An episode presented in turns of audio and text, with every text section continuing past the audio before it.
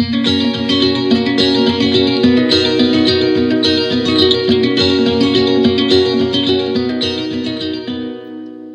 til Danske Bankers, podkasten for deg som vil vite hva som rører seg i markedet fra uke til uke. Mitt navn er Fredrik Ask Stensrud, og i dag så har jeg faktisk med meg vår sjefstrateg i studio. Velkommen, Kristian. Takk for det. Du, jeg gjorde jo litt narr av deg forrige fredag for at uh, du er en uh, pjusk type. Og nå har uh, karmaen kommet rett tilbake til meg her, så nå sitter jeg og halvgråter med min manflu i studio. Til din store fornøyelse, regner jeg med, Kristian? Ja, det er skikkelig karma. Man tuller ikke med manflu. Nei, han gjør ikke det. Absolutt ikke. Men det er en ny uke og nye muligheter, og i dag så vil jeg gjerne fortelle deg noen fakta først om Storbritannia, Kristian. Storbritannia det er da Europas tredje største økonomi, og de har verdens sjette største nominelle BNP. Den første kongen i Storbritannia, Wilhelm Erobreren, han lagde faktisk en lov som sa at du måtte være i seng før klokka åtte. Eh, det er lovlig for barn over fem år å konsumere alkohol hjemme eller på andre private områder i Storbritannia. London var den første byen i verden som hadde undergrunnsbane. Og det konsumeres eh, røftlig 165 millioner kopper med te hver dag i Storbritannia. Så vet du det.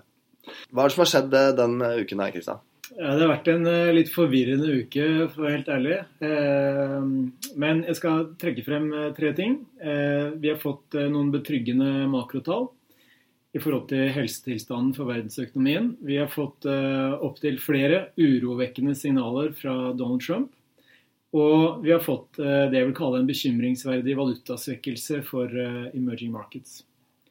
Hvis jeg skal begynne med det som er eh, bra, og det som eh, gir håp eh, til, til utsiktene videre, det er at vi har fått nøkkeltall bl.a. fra USA som viser at stemningen blant amerikanske husholdninger er på høyeste nivå på 18 år. Og det understøttes jo av stadig lavere arbeidsledighet, rimelig grei lønnsvekst og høyere formuesverdier pga. det som har skjedd i aksjemarkedet og i boligmarkedet de siste årene.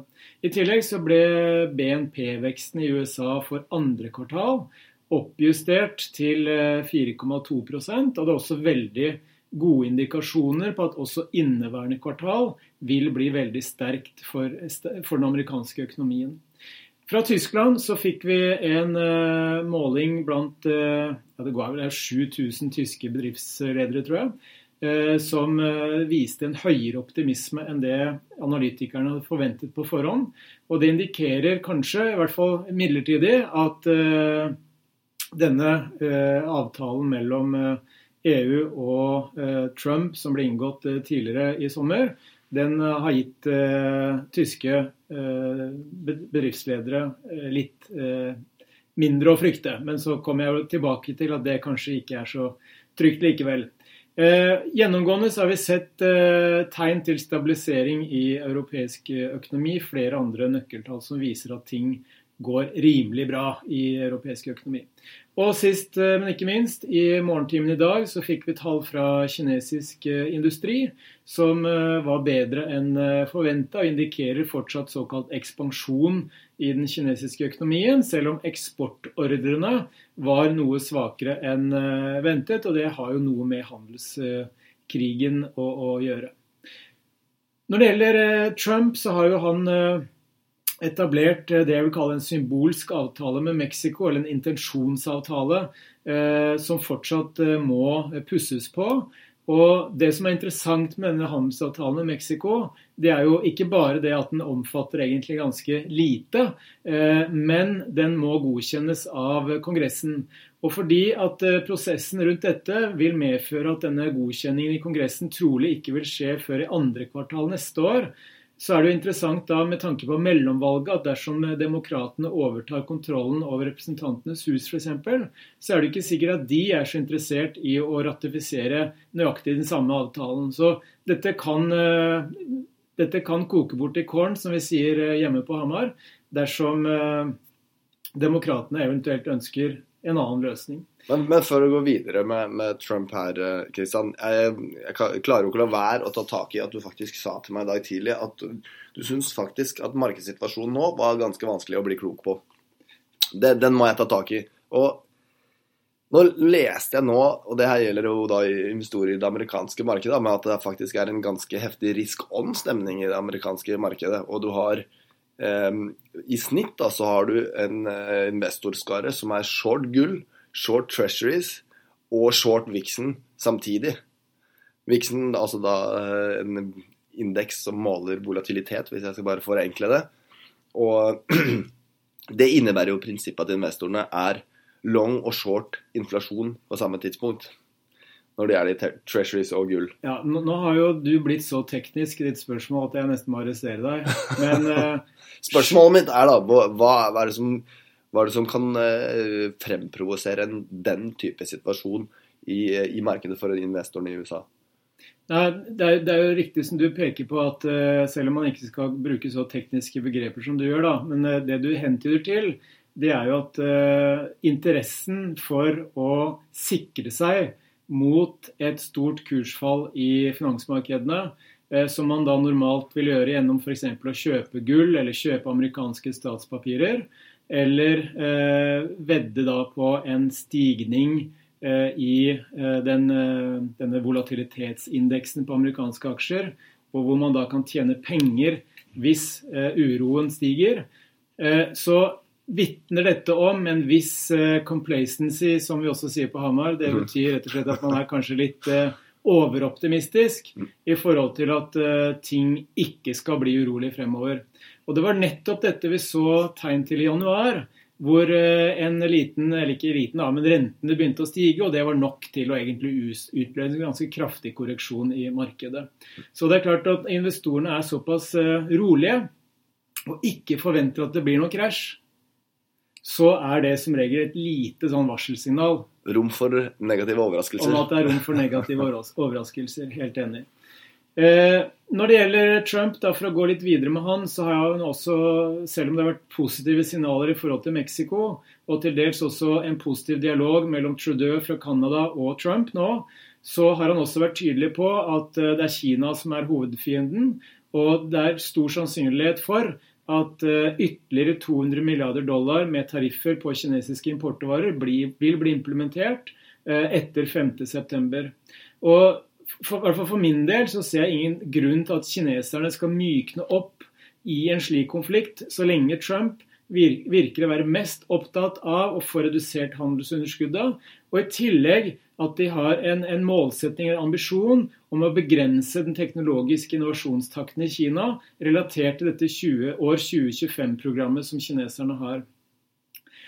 Og ikke nok med det, så har jo også Trump vært ute og sagt at eh, forslaget fra EU Eh, om å ha en tariffri handel av biler mellom USA og EU, det er ikke godt nok. Og I tillegg så har jo Trump da i samme ordlag holdt på å si, sagt at EU er nesten like ille som eh, Kina. Trump har også kommentert Verdens handelsorganisasjon i, i samme intervju og han truer da med å trekke USA ut av WTO dersom de ikke skjerper seg. Dette er med på å legge en demper på risikoviljen i, i finansmarkedene i, i, dag. Det siste punktet eh, som jeg trekker frem, det er jo disse kraftige valutasvekkelsene eh, mot dollar, som vi har sett i Tyrkia, Sør-Afrika, Argentina, Brasil, India og Indonesia. Og Tidligere så har man jo snakket mye om den hypotesen om at dette er på en måte isolerte hendelser pga. ting som bare påvirker ett og ett land. Men når man ser at dette blir en såpass omfattende greie med valutasvekkelser, så skyldes ikke det bare skjøre statsfinanser, tariffer fra USA eller skeptiske investorer til de enkelte landene. Men er, å, man får en følelse av at dette er mer en konsekvens av den pengepolitiske normaliseringen som er påbegynt i USA. Ikke bare gjennom at de hever styringsrentene, men også gjennom at de har begynt å redusere eh, balansen sin. Altså sentralbanken reduserer sin balanse gjennom å reinvestere mindre av de obligasjonene de eier, som da går til eh, forfall. Og Det gir en strammere dollarlikviditet i markedet. og dette med dollar er jo såpass eh, viktig, fordi mange av disse vekstmarkedsøkonomiene de har jo lånt ganske betydelige mengder notert i dollar gjennom de siste årene, når amerikanske renter var lave og dollaren var forholdsvis eh, svak. Eksempelvis Argentina, som det har blitt skrevet mye om nå. De har jo faktisk 80% av sin statsgjeld, eh, som for øvrig nærmer seg 90% av BNP, notert i amerikanske dollar. Og når valutaen da blir rekordsvak mot amerikanske dollar, så blir det ikke bare dyrere å betjene eksisterende gjeld, men det blir også vesentlig vanskeligere å få refinansiert gjelden sin fremover. Og Det er der investorene har grunn til å være skeptiske. fordi Argentina må nemlig hente eh, rundt 77 milliarder dollar innen utgangen av 2019. Og det er åpenbart noe som kan bli veldig utfordrende. Det jeg syns er mest skremmende med situasjonen relatert til Argentina for eksempel, da, det er jo at dette skjer nå i et land, altså valutaen fortsetter å svekke seg, i et land som er i ferd med å motta historiens største redningspakke fra IMF, altså Internasjonale valutafondet, på 50 milliarder dollar som skal gå over tre år. Argentina har jo nå bedt om en, en fremskyndelse av utbetalingene fra, fra, IMF for å klare å holde eh, økonomien eh, over, over vann. I tillegg så har jo Argentina da satt opp styringsrenten sin til 60 for å støtte sin egen valuta, og valutaen fortsetter å svekkes selv om du har en styringsrente på 60% og går da mot sin andre resesjon i løpet av tre år. Nøkkelen i forhold til mye av det som vi ser i emerging markets, det har med den amerikanske dollaren å gjøre. Og Vi har sett at dollaren svekker seg litt eh, i det siste, bl.a. fordi den amerikanske sentralbanken har vært litt mer forsiktig. Men her er det en morsom tvist. Og det er jo at hvis dollaren fortsetter å svekke seg, så betyr det isolert sett at de finansielle rammebetingelsene i USA vil bli noe bedre. Og det vil isolert sett igjen føre til at Fed må stramme til pengepolitikken enda mer enn det de tidligere hadde eh, planer om. Og det vil igjen gi støtte til dollaren. Så ergo, en eventuell dollarsvekkelse vil på en måte være selvbalanserende for dollaren, fordi det betyr at Fed må stramme til mer. Ho. Det er eh, litt av Nostradamus. Det er så en, en, svakere dollar vil etterfølges av en sterkere dollar, sier du? Det kan du si. Skarpt, eh, skarpt observert. Hva er det som skjer neste uke? Eh, det, viktigste som skjer neste uke, det er vi får nye disse PMI-ene. Det er jo disse ledende indikatorene som vi følger mye med på fra, fra eurosonen. Det er ting som tyder bra for europeisk økonomi, men det er også noen utfordringer bl.a. i forhold til banksektoren. Og at en del av disse bankene er eksponert mot emerging markets-økonomier, som kan bety at deres evne til å låne ut penger blir begrenset. Og Det vil være en negativ impuls til, til økonomien. Men PMI-en er viktig fordi det gir en pekepinn på hvor aktiviteten er på vei. De to desidert viktigste tallene vi får neste uke, de kan påvirke den kjære dollaren som vi har snakket mye om i dag. Det er nemlig arbeidsmarkedsrapporten som kommer på fredag klokka halv tre. Og samtidig så får vi også tall for lønnsveksten i USA. Og Grunnen til at begge disse tallene er så viktige, spesielt i forhold til lønnsveksten, det er jo at den er en viktig parameter eller input i forhold til inflasjonen fremover. Og skulle lønnsveksten akselere, unnskyld, så vil det kunne føre til at prisingen av hvor mye Fed kommer til å heve styringsrenten, vil øke, og omvendt. Vi får, får ikke ISM på fredag også? Det er for tjenesteytende sektor. Ja, ok. Ja, Men det er bra. Har du noe mer vi skal ta da om neste uke? Nei. Ok. Da skal jeg eh, straks ta og oppsummere de viktigste hendelsene for neste uke. Men først så tar jeg som vanlig eh, markedsbevegelse de siste fem dager. Da har vi OECBX er flatt. SMP 500 i USA opp 1,5% Eurostock 600 i Europa flatt. Og oljeprisen er opp 4 De viktigste sakene som vi har for neste uke, det er europemier på onsdag klokka tre. Så får vi non-farm payrolls på fredag klokken halv tre. Og vi får også da lønnsveksten i USA på fredag klokken halv tre. Det var alt vi hadde i denne episoden av Danske Bankers. Vi høres igjen neste uke.